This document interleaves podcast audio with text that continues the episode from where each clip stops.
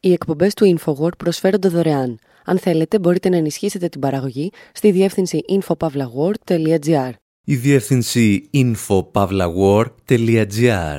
Η εκπομπή InfoWord με τον Άρη Χατζηστεφάνου.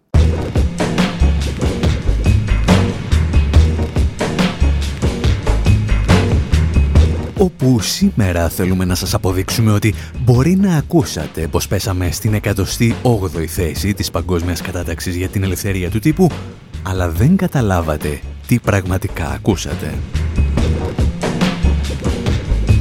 Γι' αυτό παρουσιάζουμε πέντε τραγούδια από τις χώρες που βρίσκονται στις αμέσως καλύτερες θέσεις από την Ελλάδα. Το Μπουρούντι, την Ουκρανία, την Καμπόν, το Τσάντ και την Αλβανία. Ακούμε hip-hop αντικαθεστωτικούς ύμνους για πραξικοπήματα στην Αφρική, αλλά και ροκ συγκροτήματα που τα έβαλαν με ολιγάρχες στην Ευρώπη. Και ύστερα αλλάζουμε εντελώς θέμα.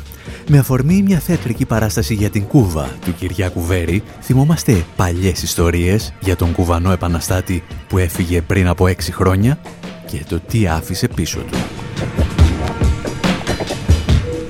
Πρώτα όμως, όπως σας είπαμε, έχουμε κάτι διαφορές να λύσουμε στο Μπουρούντι.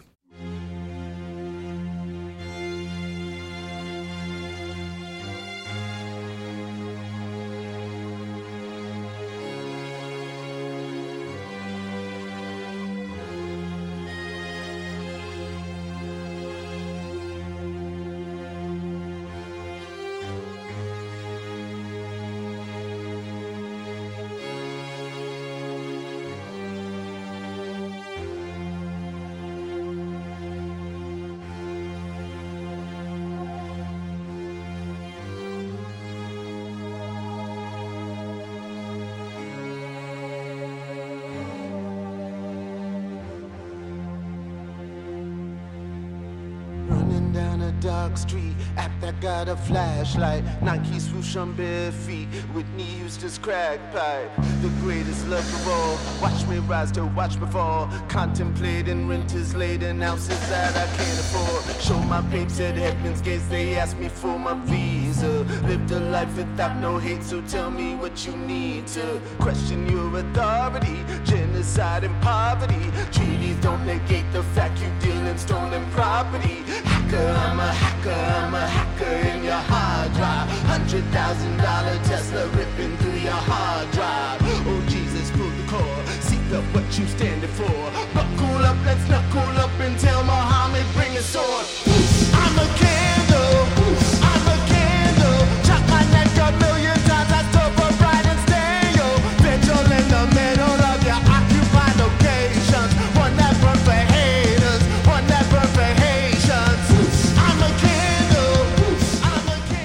Candle. Ο Σάουλ Βίλιαμς, ένας από τους πλέον πολιτικοποιημένους καλλιτέχνες των Ηνωμένων Πολιτειών, παρουσιάζει το ποίημα του «Μπουρούντι». Τραγουδάει για εργοστάσια στην Κίνα που χρειάζονται κολτάνιο, το οποίο εξάγεται στο Κονγκό και το οποίο μεταφέρεται λαθρέα μέσω του Μπουρούντι.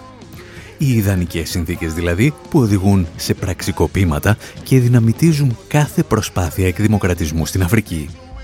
Τα εξηγούσε ο ίδιος, μιλώντας το 2016 στο Democracy Now! I started working on this song uh, way before what has recently happened in Burundi since their president. Ξεκίνησα να δουλεύω αυτό το τραγούδι πολύ πριν τα πρόσφατα γεγονότα στο Μπουρούντι. Ο πρόεδρός τους, Ον Κουρουντζίζα, έχει αλλάξει το Σύνταγμα και σήμερα βρίσκεται στην τρίτη θητεία του, την οποία κάποιοι αποκαλούν παράνομη. Και βέβαια καταπνίγει τη φωνή των δημοσιογράφων και των διαδηλωτών. Τους τελευταίους 6 μήνες έχουν φύγει από τη χώρα πάνω από 200.000 πρόσφυγες. Έχουν υπάρξει εκατοντάδες δολοφονίες ανθρώπων που υψώνουν τη φωνή τους ενάντια στην κυβέρνηση. People speaking up against the government. Οι πολιτικές συνθήκες στο Μπουρούντι ίσως να έχουν βελτιωθεί ελαφρώς τα τελευταία χρόνια, όταν στην εξουσία βρέθηκε ο διάδοχος του Νουρκουνζίζα. Αλλά μη φανταστείτε τρομακτικές διαφορές. Για όσα συμβαίνουν σήμερα στο Μπουρούντι σχετικά με την ελευθερία του τύπου, αφήσαμε τον Δημήτρη Σαθόπουλο να σας διαβάσει ένα μικρό απόσπασμα από την πρόσφατη έκθεση των «Ρεπόρτερ χωρίς σύνορα».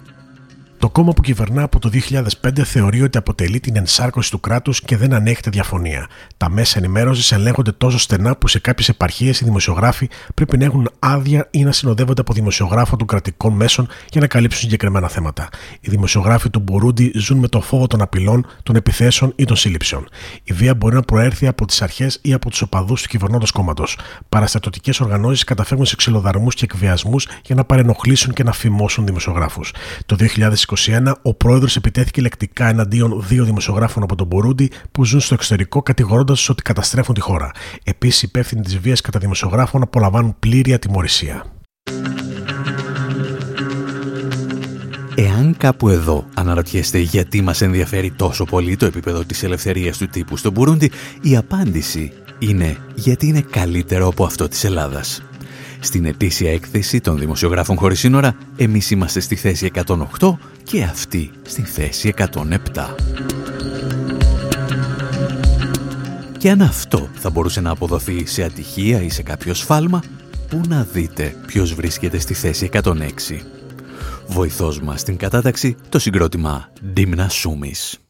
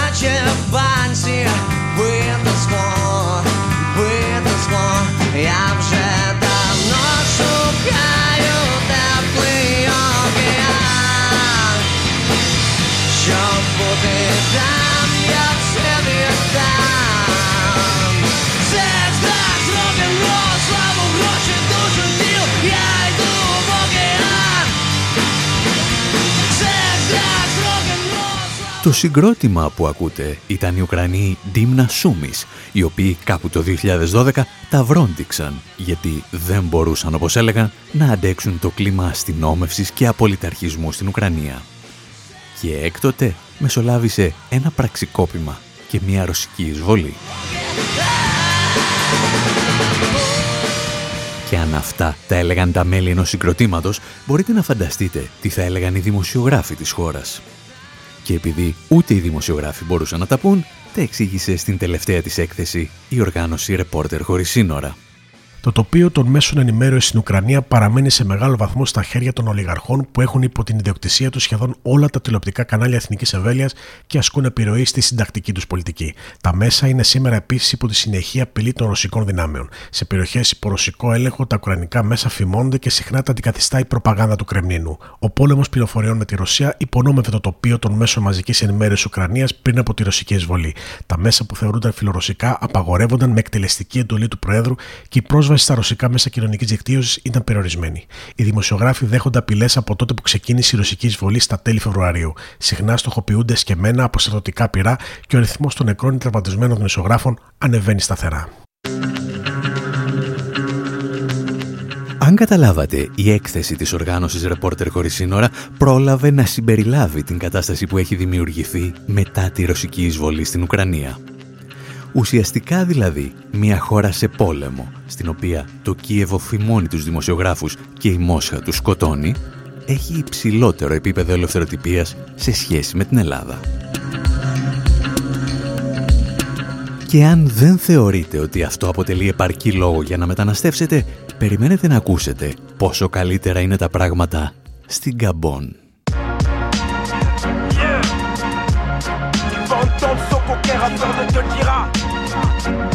donne pas ma langue au chat. Je fais pas dans la langue de poids. Aujourd'hui, aujourd'hui, nos va bois poisson. Poisson va bois kilo.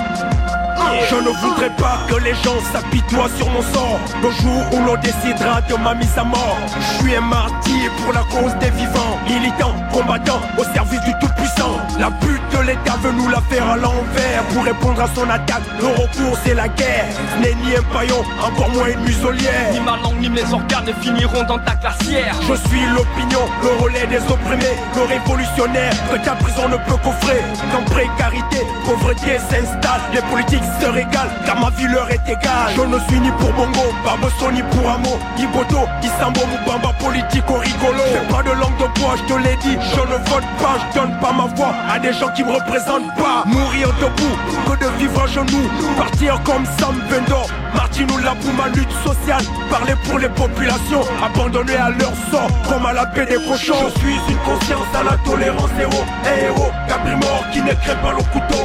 Je montrerai mon doigt quand le mord qu'on le coupe.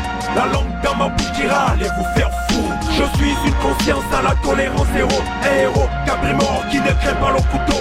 Je montrerai mon doigt qu'on le morde ou qu'on le coupe. La langue dans ma bouche dira allez vous faire fou. L'heure est à l'éveil des consciences. Plus de plus de slim sous les fesses, plus le temps de faire la fête. Je suis comme H. Mifa, hardcore et conscient, impertinent, au courant de leur détournement. Profitons-en, certains sont bien et d'autres meurent de faim. La minorité mange, la majorité ne mange rien. Mes yeux voient la misère, ma bouche crache la colère. Témoin du calvaire de ceux qui meurent face contre terre. Aucun procureur, aucun fusil ne me fera taire. Κύριος που σας ιστορεί είναι ο ράπερ από την Καμπόν Κέιρτις Ή. Είναι ίσως ο πρώτος καλλιτέχνης της χώρας που τόλμησε να γράψει ένα τραγούδι στο οποίο επιτίθεται ανοιχτά στην κυβέρνηση του πρόεδρου Αλή Μπόγκο Οντίμπα. Και μπορεί να το κάνει γιατί δεν ζει πλέον στην Καμπόν. Pas le couteau, je montrerai mon doigt qu'on le morde ou qu'on le coupe. La langue dans ma bouche dira allez vous Ουσιαστικά πρόκειται για αυτό που θα λέγαμε rap battle, γιατί οι υπόλοιποι ράπερ που έμειναν στη χώρα τραγουδούν για λογαριασμό του Προέδρου. Κυρίες και κύριοι, μετρήστε ως το 5 για να υποδεχθούμε στη σκηνή τον Αλή Μπονγκο Ντίμπα. Maintenant, ce mec, vous allez compter jusqu'à 5.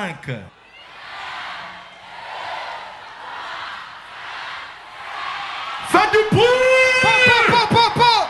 Humba C'est mon rappeur. Vous n'avez encore rien vu.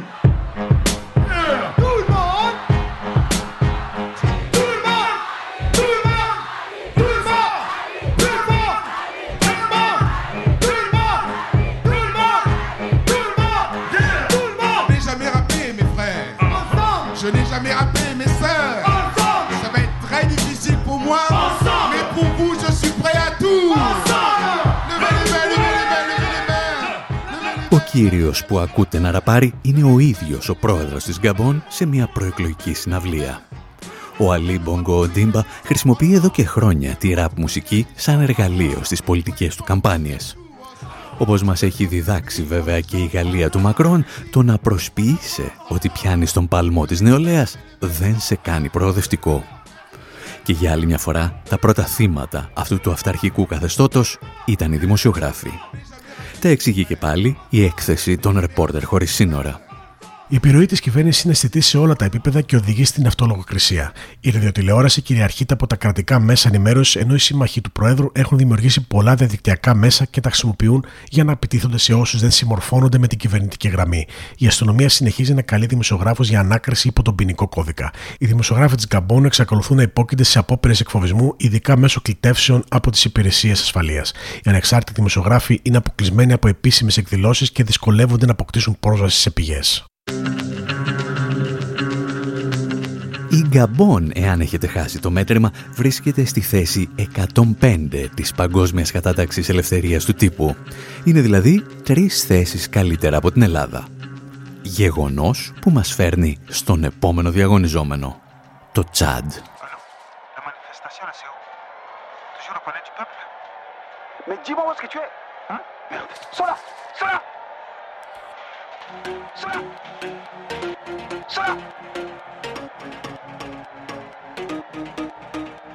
Tamati, jimatit, mato, loy gatil. at kamiko solo, nega nagaya sa. Rayo asatol watol jijo, mamte nagaya sai.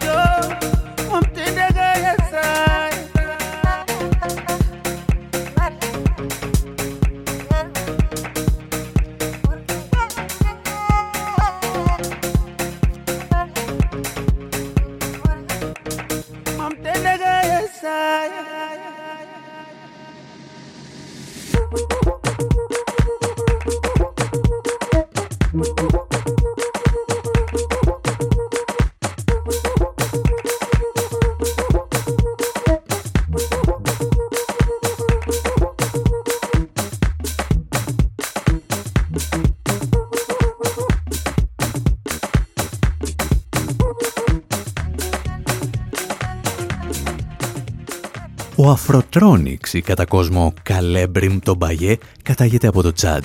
Και εδώ μας διηγείται μια μικρή ιστορία έρωτα και εξέγερσης. Τραγουδά για μια κοπέλα η οποία αποφασίζει να διακινδυνεύσει τα πάντα συμμετέχοντας σε μια αντικυβερνητική διαδήλωση. Το Τσάντ είναι σήμερα η έβδομη φτωχότερη χώρα του κόσμου και υπάρχουν πολλά πράγματα που μπορούν να πάνε στραβά ακόμη και αν δεν συμμετέχει σε διαδηλώσεις. Θα μπορούσες παραδείγματος χάρη να σκοτωθείς σε κάποια σύγκρουση κυβερνητικών δυνάμεων και ανταρτών ή να σε φάνε τα μέλη της Μπόκο Χαράμ. Θα μπορούσες επίσης να βρίσκεσαι ανάμεσα στα 27 εκατομμύρια ανθρώπων που κινδυνεύουν ανα πάσα στιγμή από υποσυτισμό. Και όπως μπορείτε να φανταστείτε, το Τσάντ δεν είναι η καλύτερη χώρα για να είσαι δημοσιογράφος. Τα μέσα ενημέρωσης έχουν τη δική τους συντακτική γραμμή, αλλά ερευνητική δημοσιογραφία που ασκεί κριτική σε κορυφαίους κυβερνητικού αξιωματούχους και τους στενούς του συνεργάτες δεν είναι ανεκτή. Οποιοδήποτε μέσο δημοσιεύει ένα τέτοιο είδος ρεπορτάζ κινδυνεύει με αναστολή λειτουργίας και ο δημοσιογράφος με αυθαίρετη σύλληψη, ενώ οι ξένοι δημοσιογράφοι μπορεί να απελαθούν. Η παρουσία ένοπλων ομάδων στο Τσάντ, όπως η Μπόκο Χαράμ και το Ισλαμικό κράτος, αποτελεί κίνδυνο για τους δημοσιογράφους. Από το 2018 στο 2019 έχει απαγορευτεί ολοκληρωτικά η πρόσβαση στα μέσα κοινωνικής δικτύωσης, γεγονός που κατατάσσει το Τσάντ ως έναν από τους χειρότερους διαδικτυακούς λογοκριτές της Αφρικής τα τελευταία χρόνια. Ακόμη όμως και σε αυτή την πρώην απικία της Γαλλίας και νυν μετααπικία πετρελαϊκών εταιριών όπως η ExxonMobil, το επίπεδο της ελευθερίας του τύπου είναι υψηλότερο από αυτό της Ελλάδας στα χρόνια της δυναστείας Μητσοτάκη. Γεγονός που μας φέρνει στην πέμπτη και τελευταία χώρα της σημερινής μας κατάταξης. Στη θέση 103 η Αλβανία.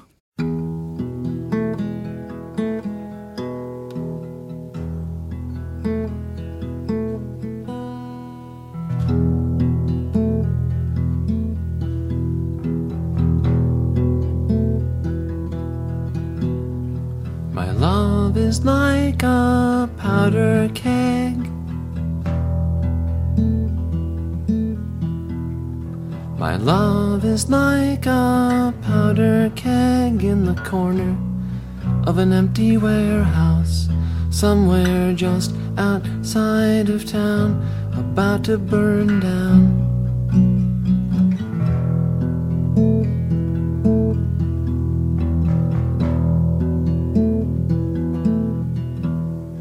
My love is like a Cuban plane.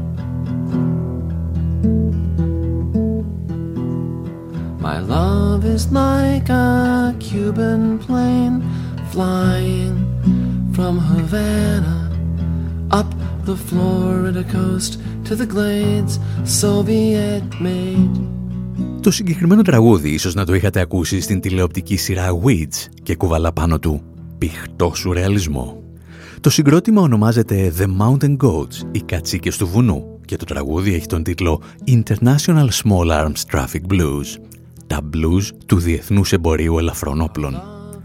Εμείς πάλι το επιλέξαμε για εκείνο το στίχο που λέει «Ο έρωτάς μου είναι σαν τα ελληνοαλβανικά σύνορα, τα οποία διασχίζουν καθημερινά φορτηγά με όπλα». Between Greece and Albania. Παλαιότερα το να μας συγκρίνουν στο εξωτερικό με την Αλβανία προκαλούσε έντονες αντιδράσεις μεταξύ των Ελληναράδων. Αυτός ο κίνδυνος όμως σταδιακά εκλείπει, καθώς η Αλβανία έχει γίνει καλύτερη από την Ελλάδα σε αρκετούς τομείς. Παραδείγματος χάρη στην κατάταξη της ελευθερίας του τύπου. Είναι πέντε θέσεις ψηλότερα από εμάς. Bridge of blood. The way I feel Παρόλα αυτά, θα θέλαμε να ακούσετε πώς περιγράφει την κατάσταση στην Αλβανία η οργάνωση Reporter Χωρίς Σύνορα και να σκεφτείτε αν σας θυμίζει κάτι. Τα ιδιωτικά μέσα ενημέρωσης με τη μεγαλύτερη επιρροή στην Αλβανία ελέγχονται από μια χούφτα εταιριών που διαπλέκονται με πολιτικούς. Παράλληλα, έχουν παράλληλες δραστηριότητες όπως οι κατασκευές. Το πολιτικό κατεστημένο απειλεί την εξαρτησία των συντακτών μέσω θεσμών ελέγχου και των μέσων ενημέρωσης. Οι δημοσιογράφοι που ασκούν κριτική στην κυβέρνηση αντιμετωπίζουν τακτικές πολιτικές επιθέσεις με σκοπό την απαξίωσή τους και δυσκολεύονται να αποκτήσουν πρόσβαση σε δημόσιες πληροφορίες. Η σωματική ασφάλεια των δημοσιογράφων δεν απειλείται μόνο από το οργανωμένο έγκλημα. Η ατιμορρησία για εγκλήματα εναντίον δημοσιογράφων σε συνδυασμό με τις πολιτικές προσπάθειες απαξίωσής τους δημιουργούν ένα κλίμα βίας που μπορεί να ενθαρρύνει νέες επιθέσεις εναντίον επαγγελματιών των μέσων ενημέρωσης. Αυτές ήταν λοιπόν μόνο πέντε από τις 107 χώρες του πλανήτη που απολαμβάνουν υψηλότερα επίπεδα ελευθερίας του τύπου σε σχέση με την Ελλάδα. Πιο απλά βρισκόμαστε σε χειρότερη θέση από χώρες όπου μένονται πολεμικές συγκρούσεις, έχουν πρακτικά δικτατορία ή ελέγχονται σε σημαντικό βαθμό από μαφίες και ολιγάρχες. Εσείς πάλι μένετε εδώ για το δεύτερο μέρος της εκπομπής. Αφού πρώτα σας πούμε ότι από σήμερα μπορείτε αν θέλετε να δείτε το ντοκιμαντέρ μας τελευταίο ταξίδι και στο ίντερνετ. Συνεχίζονται όμως και οι προβολές στην Αθήνα, την Πάτρα, τα Ιωάννινα και το Λος Άντζελες. Περισσότερα θα βρείτε στη σελίδα του ντοκιμαντέρ lastvoyagefilm.com και φυσικά στο info.pavlawar.gr. Θα σας τα πούμε όμως και εμείς αναλυτικά στο δεύτερο μέρος της εκπομπής.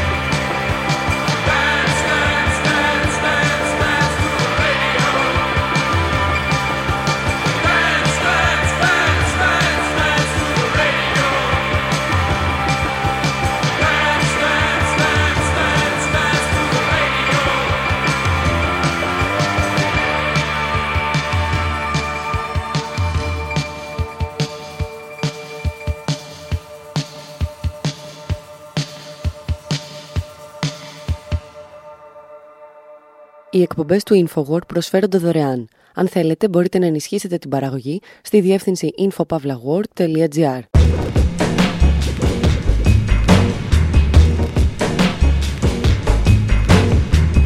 Εκπομπή Infowar, μέρος δεύτερο. Όπου σήμερα πηγαίνουμε θέατρο για να παρακολουθήσουμε μια παράσταση σε κείμενο του Κυριάκου Βέρη που ανεβαίνει από τις 9 Μαΐου στο θέατρο Στούντιο Μαυρομιχάλη στα Εξάρχεια. Και με αυτήν επιστρέφουμε σε παλαιότερες ιστορίες για την Κούβα. Ο τίτλος της παράστασης «Σκληρές φωτογραφίες» και το περιεχόμενο μια πολύ προσωπική διαδρομή από τις κούρσεις του υποδρόμου της Ευρώπης μέχρι την Αβάνα των τελευταίων ημερών του Φιντέλ Κάστρο. Ο Κυριάκος Βέρης που έγραψε το κείμενο γνωρίζει όσο ελάχιστοι Έλληνες στην Κούβα γιατί έχει ζήσει για χρόνια εκεί. Και ήταν ο ξεναγός μας στην μεγάλη αποστολή που είχε πραγματοποιήσει το Infowars στην Κούβα πριν από μερικά χρόνια. Εμείς δεν βρεθήκαμε στο νησί την ημέρα του θανάτου του Φιντελ Κάστρο, όπως συμβαίνει στην παράσταση «Σκληρές φωτογραφίες», αλλά την τελευταία εβδομάδα που η Κούβα είχε ως πρόεδρο έναν άνθρωπο με το επίθετο Κάστρο. Και αυτές ήταν οι εικόνες και οι ήχοι που είχαμε συλλέξει τότε.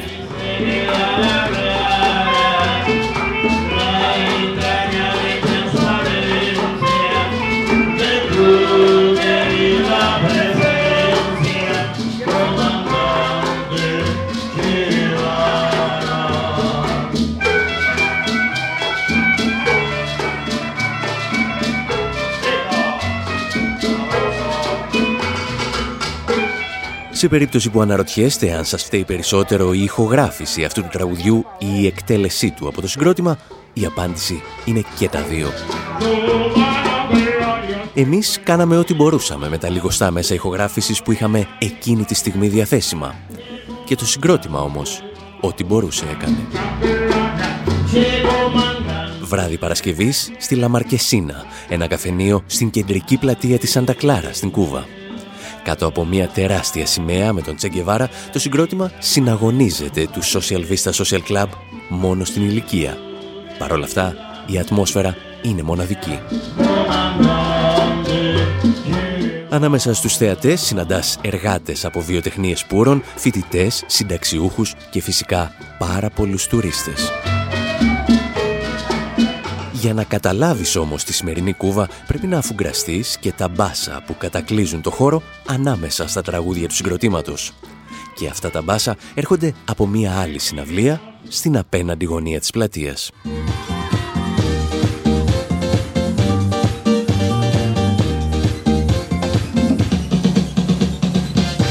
Η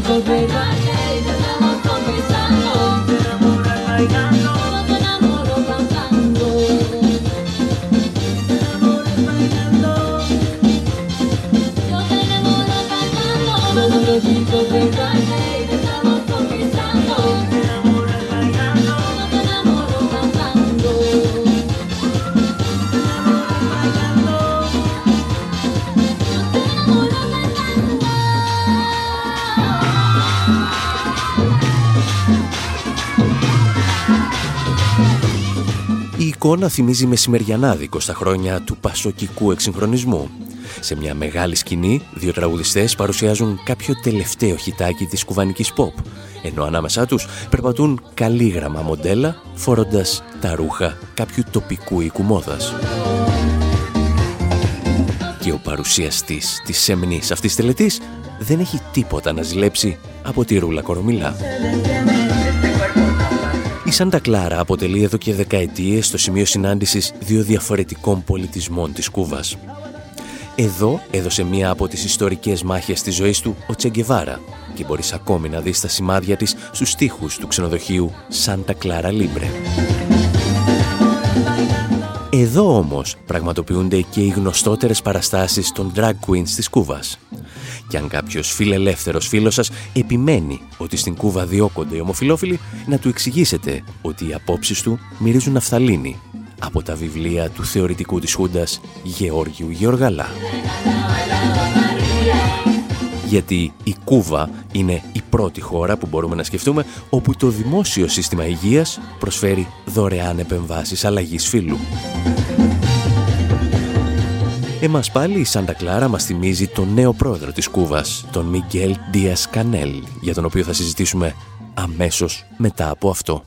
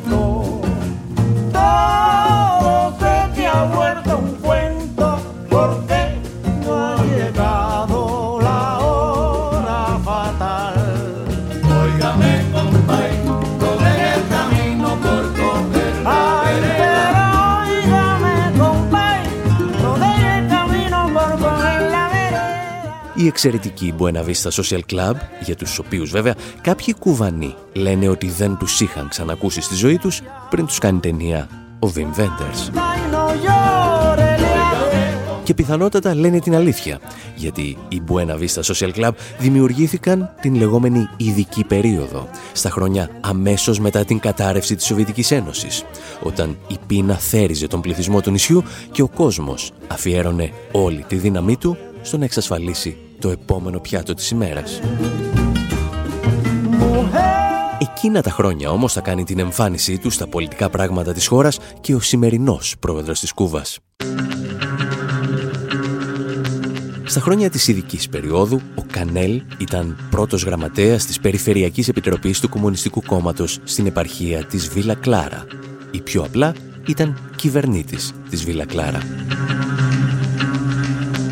Οι πολιτικοί του φίλοι θυμούνται πως όταν δεν υπήρχαν επαρκή καύσιμα στο νησί, ο Κανέλ καβαλούσε το ποδήλατό του για να πάει στο γραφείο του, στη Σάντα Κλάρα. Οι πολιτικοί του αντίπαλοι πάλι υποστηρίζουν ότι λίγα μέτρα πίσω από το ποδήλατό του τον ακολουθούσε το υπηρεσιακό του αυτοκίνητο. Γεγονός που ίσως τον κάνει ελαφρώς λαϊκιστή. Ο Κανέλ έχει μείνει στο μυαλό αρκετών κατοίκων της Σάντα Κλάρα ως ο νεαρός με τα μακριά μαλλιά που άκουγε ροκ μουσική. Εμείς πάλι είμαστε σχεδόν σίγουροι ότι κατά διαστήματα θα περνούσε με το ποδήλατό του και από το ξενοδοχείο Σάντα Κλάρα Λίμπρε, και όπως κάναμε και εμείς θα τρύπωνε στο θέατρο που βρίσκεται στο πίσω μέρος του κτηρίου για να παρακολουθήσει τις πρόβες κλασικής μουσικής από την φιλαρμονική της πόλης.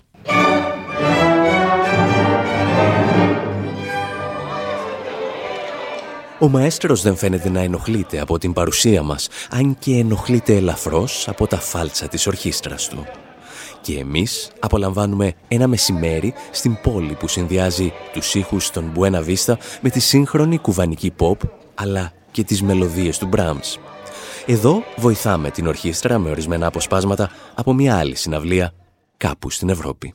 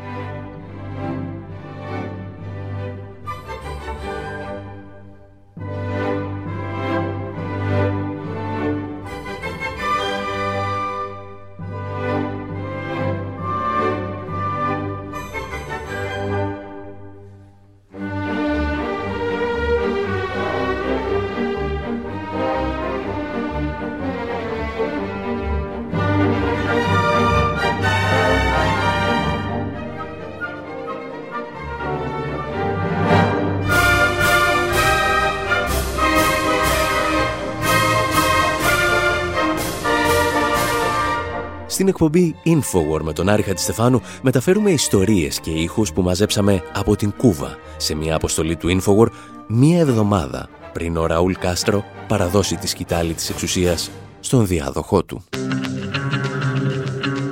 Έχουμε μείνει στο σημείο όπου ο Μιγγέλ Ντίας Κανέλ κέρδισε την αγάπη των κατοίκων της Σάντα Κλάρα και για να το πετύχει αναγκάστηκε σε ορισμένες περιπτώσεις να αμφισβητήσει το πολιτικό αλλά κυρίως το πολιτισμικό στάτους κβό της Κούβας. Και αν υπάρχει κάτι που όλοι θυμούνται στη Σάντα Κλάρα είναι ότι ο άνθρωπος αυτός ήταν από τους πρώτους πολιτικούς που έδωσαν τη μάχη για τα δικαιώματα της ΛΟΑΤΚΙ κοινότητας στην Κούβα. Τα θυμόταν πρόσφατα ο Ραμόν Σιλβέιρο, διευθυντής του πολιτιστικού κέντρου της πόλης. Μίλησε στο The Real News Network την ημέρα που ο νέος πρόεδρος αναλάμβανε τα καθήκοντά του. Fue muy visionario porque bueno, apoyarme junio ahora es casi ya como una obligación, ¿no? Pero apoyarlo en aquella época de ήταν ένας πραγματικός οραματιστής γιατί υποστήριζε το Ελμεχούνχε, ένα ΛΟΑΤΚΙ στέκει στη Σάντα Κλάρα. Είναι σχεδόν υποχρέωση να υποστηρίζει αυτά τα δικαιώματα, αλλά αυτός τα υποστήριζε από τότε. Είχε πολλές καινοτόμες ιδέες, όπως το να δώσει ένα χώρο στη ΛΟΑΤΚΙ κοινότητα που ήταν περιθωριοποιημένη. Ήταν το πρώτο πεδίο στο οποίο έγινε μια τέτοια προσέγγιση από τις αρχές. Αντί να απομονώσει μια τέτοια κοινότητα, την ενσωμάτωσε στην κοινωνική και πολιτιστική μας ζωή. a la vida social y a la vida cultural. Ο Κανέλ αξίζει σίγουρα συγχαρητήρια για τις προοδευτικές θέσεις του και φαίνεται πως όχι μόνο δεν περιθωριοποιήθηκε, αλλά ανταμείφθηκε για αυτές. Στην Κούβα όμως γνωρίζουν ίσως καλύτερα από οποιαδήποτε άλλη χώρα του πλανήτη ότι τα ατομικά δικαιώματα απαιτούν συλλογικές λύσεις και κυρίως δεν μπορούν να παραμένουν ασύνδετα με την οικονομία. Η Κούβα όμως βρίσκεται σήμερα σε ένα οικονομικό σταυροδρόμι. Ο Ραούλ Κάστρο πραγματοποίησε ορισμένα βήματα για το άνοιγμα στην οικονομία της αγοράς. Μικρά μαγαζιά και εστιατόρια ξεφύτρωσαν στα ιστορικά στενά της Αβάνας και άλλων πόλεων. Και το ερώτημα είναι, τι πραγματικά σκοπεύει να κάνει ο διάδοχός του; Ερώτημα που απασχόλησε και την Elizabeth Ντόρ, καθηγήτρια λατινοαμερικανικών σπουδών στο Πανεπιστήμιο του Southampton. I think the big issue in Cuba right now has been, is the struggle within the Communist Party. Νομίζω το μεγάλο ζήτημα στην Κούβα τώρα είναι η μάχη που γίνεται μέσα στο Κομμουνιστικό Κόμμα. Είναι με απλά λόγια μια μάχη μεταξύ των Φιντελίστας που υποστηρίζουν την κοινωνική ισότητα και των Ραουλίστας. Ο ίδιος ο Ραούλ αποδοκίμασε την κοινωνική ισότητα ως ρομαντική ιδέα που δεν είναι λειτουργική για το μέλλον της Κούβας. Και ο Ραούλ Κάστρο έφερε κάποιες σημαντικές οικονομικές αλλαγές στην κατεύθυνση της αγοράς, επιτρέποντας σε μικρούς και μεσαίους επιχειρηματίες να δουλέψουν.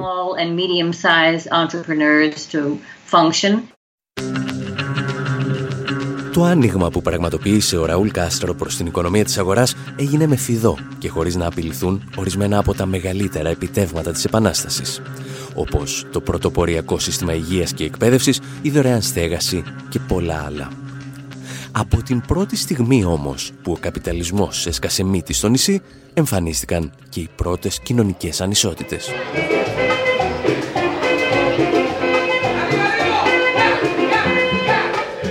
Αρκεί να περπατήσεις για λίγα λεπτά ανάμεσα στα μαγαζιά στο ιστορικό κέντρο της Σαββάνας για να καταλάβεις πως άρχισαν να δημιουργούνται πολίτες με διαφορετικά βαλάντια και συνεπώς πολίτες με διαφορετικές ταχύτητες. Όσοι έχουν πρόσβαση στα δολάρια που εισέρχονται στη χώρα από τη βιομηχανία του τουρισμού βλέπουν τα εισοδήματά τους να γιγαντώνονται. Οι υπόλοιποι πρέπει να συνεχίσουν να επιβιώνουν με τα 25 ή τα 30 δολάρια που είναι ο βασικός μισθός στην Κούβα. Η φτώχεια βέβαια έχει εντελώς διαφορετικά χαρακτηριστικά από αυτή που συναντά κανείς σε μια παραγκούπολη της Ινδίας ή σε κάποιο γκέτο μιας αμερικανικής μεγαλούπολης. Όταν η στέγαση, η μόρφωση και η ιατροφαρμακευτική περίθαλψη είναι πράγματι δημόσια αγαθά και ως εκ τούτου προσφέρονται δωρεάν, δημιουργούνται νέου είδους πολίτες, με μεγαλύτερη σιγουριά για τον εαυτό τους και για την επόμενη μέρα στη ζωή τους. Το ερώτημα και το πρόβλημα είναι τι γίνεται όταν ορισμένοι πολίτες αρχίζουν να γίνονται λίγο πιο ίσοι από τους ίσους. Ή, για να θέσουμε με διαφορετικούς όρους, το ερώτημα φιντελίστας ή ραουλίστας, το ζήτημα είναι εάν η Κούβα θα ακολουθήσει το δρόμο του Deng Xiaoping στην Κίνα ή θα μείνει περισσότερο πιστή στα ιδανικά της Επανάστασης. Εάν δηλαδή θα ανοίξει στην οικονομία της αγοράς διατηρώντας το μονοκομματικό σύστημα ή όχι. Το μόνο βέβαιο αυτή τη στιγμή είναι ότι όσοι προέβλεπαν άμεσα ανατροπή της κυβέρνησης μετά το θάνατο του Φιντελ Κάστρο αναγκάστηκαν αρχικά να μεταθέσουν τις προβλέψεις τους για την αποχώρηση του Ραούλ Κάστρο. Και η δική μας πρόβλεψη είναι ότι θα πρέπει να περιμένουν πολύ περισσότερο. Αυτές ήταν ιστορίες άσχετες με την επικαιρότητα που θυμηθήκαμε με αφορμή μια θεατρική παράσταση τις σκληρές φωτογραφίες του Κυριακού Βέρη που ανεβαίνει από τη Δευτέρα 9 Μαΐου στο Θέατρο Στούντιο Μαυρομιχάλη στην Αθήνα. Εμείς απλώς διαβάσαμε το σενάριο και ενθουσιαστήκαμε.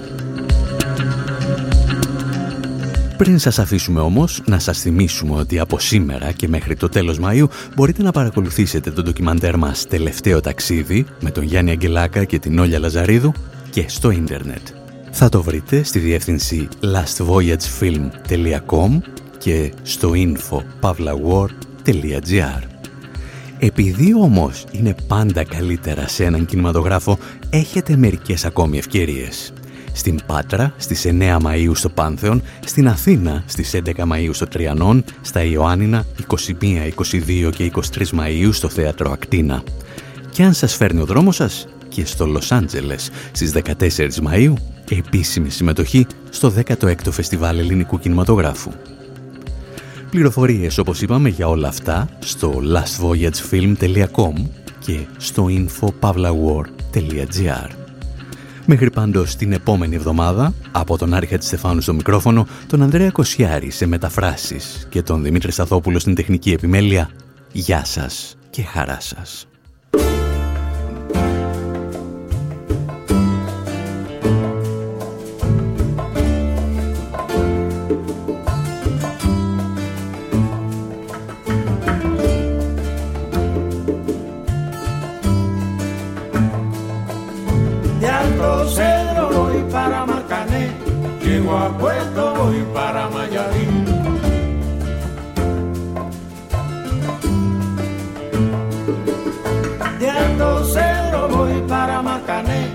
Llego a Puerto, voy para Mayarí.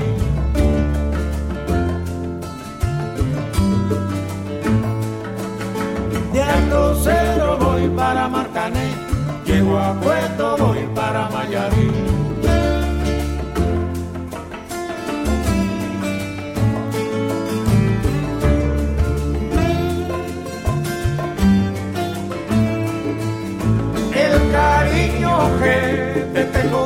te lo puedo negar.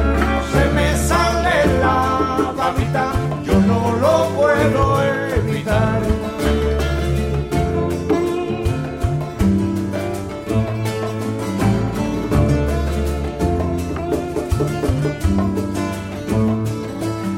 Cuando Juanita y Chan Chan en el mar servían arena, como sal el jibe, a chan chan le da.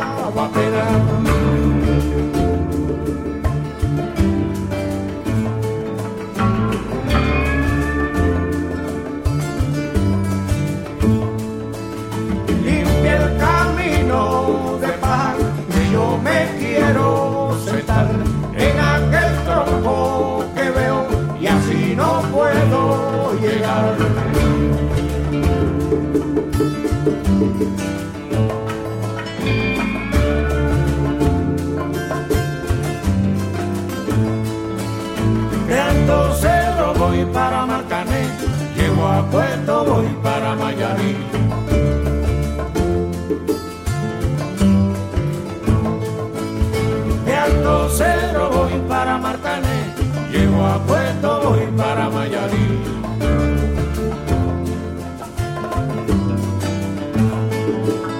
De Alto Cedro voy para Martané, llego a Puerto, voy para Mayarí.